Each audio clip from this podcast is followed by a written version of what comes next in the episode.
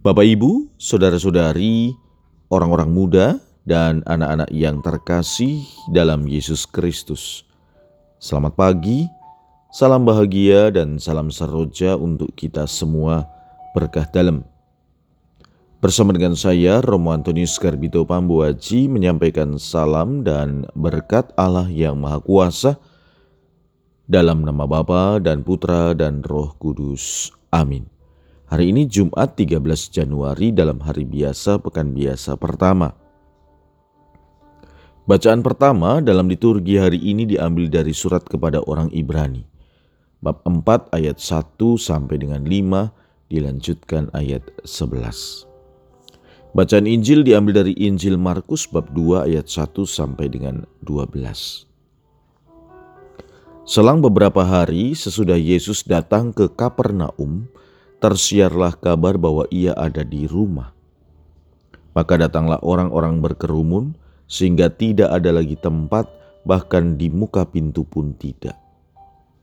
Sementara Yesus memberitakan sabda kepada mereka, beberapa orang datang membawa kepadanya seorang lumpuh digotong oleh empat orang.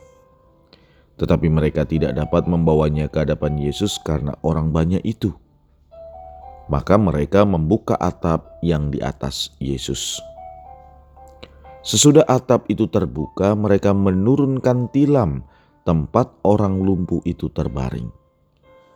Melihat iman mereka, berkatalah Yesus kepada orang lumpuh itu, "Hai anakku, dosamu sudah diampuni." Tetapi di situ duduk juga beberapa ahli Taurat. Mereka berpikir dalam hati, Mengapa orang ini berkata begitu?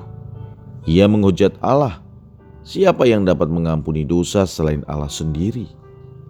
Tetapi Yesus langsung tahu dalam hatinya bahwa mereka berpikir demikian. Maka ia berkata kepada mereka, "Mengapa kamu berpikir begitu dalam hatimu?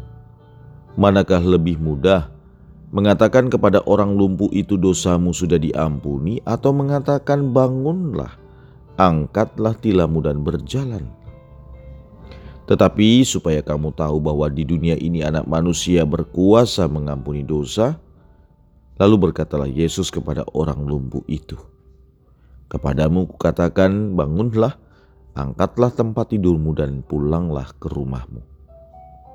Dan orang itu pun bangun, segera mengangkat tempat tidurnya dan pergi keluar di hadapan orang-orang itu. Mereka semua takjub lalu memuliakan Allah katanya. Yang seperti ini belum pernah kita lihat. Demikianlah sabda Tuhan. Terpujilah Kristus. Saudara-saudariku yang terkasih dalam Yesus Kristus, tentu Anda dapat membayangkan dengan mudah bagaimana kisah Injil ini terjadi. Peristiwa penyembuhan orang lumpuh itu terjadi. Kita bisa membayangkan betapa sulitnya ia bersama dengan orang-orang yang membantunya untuk dapat berjumpa dengan Tuhan Yesus. Dengan imannya, ia bersama dengan teman-temannya membuka atap tempat tepat di depan di atas Yesus berada. Saudara-saudari yang terkasih, proses penyembuhan terjadi, tetapi ada saja netizen, yaitu orang-orang ahli-ahli Taurat mereka melihat bahwa apa yang dibuat oleh Yesus tidak tepat, karena Yesus mengampuni dosa orang lumpuh itu. Padahal, menurut ahli Taurat, hanya Allah yang punya hak atau berkuasa atas pengampunan dosa manusia. Nah, saudara-saudari, ada dua hal yang bisa kita renungkan dari peristiwa atau sabda Tuhan hari ini.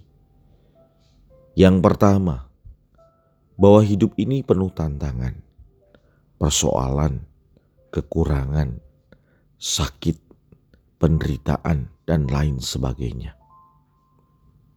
Sabda Tuhan hari ini mengajak kita untuk datang kepada Yesus sebagai Yang Maha Kuasa. Ia pasti akan menolong kita dengan caranya dan tentu seturut kehendaknya. Berbagai penderitaan hidup mengajak kita untuk bergantung sungguh pada Tuhan. Kita hanyalah ciptaan yang terbatas, sehingga mesti rendah hati untuk mempercayakan hidup kita kepada Allah. Dan ketika kita mempercayakan hidup kita kepada Allah, pasti Allah akan memberikan kesembuhan atau keselamatan kepada kita. Dan persoalan-persoalan yang ada dalam kehidupan kita itu mengajak kita untuk peduli dengan sesama kita juga. Rasa solidaritas yang mewujud dalam semangat kepedulian tentu akan mengubah keadaan sesama kita. Yang kedua, bahwa di sekitar Yesus ada orang-orang yang selalu melihat sisi negatif. Begitupun juga di sekitar kita. Ketika kita melakukan perbuatan-perbuatan baik dengan tulus, tentu ada saja orang-orang yang menilai negatif. Maka saudara-saudari yang terkasih, seperti yang dibuat oleh Yesus. Meskipun ia dinilai negatif, ia tidak berhenti untuk berbuat baik. Marilah kita berdoa. Ya Tuhan, semoga kami memiliki rasa solidaritas yang tinggi terhadap kebutuhan sesama kami dan tidak pernah menilai negatif atas perbuatan orang lain. Berkat Allah yang Maha Kuasa, dalam nama Bapa dan Putra dan Roh Kudus. Amin.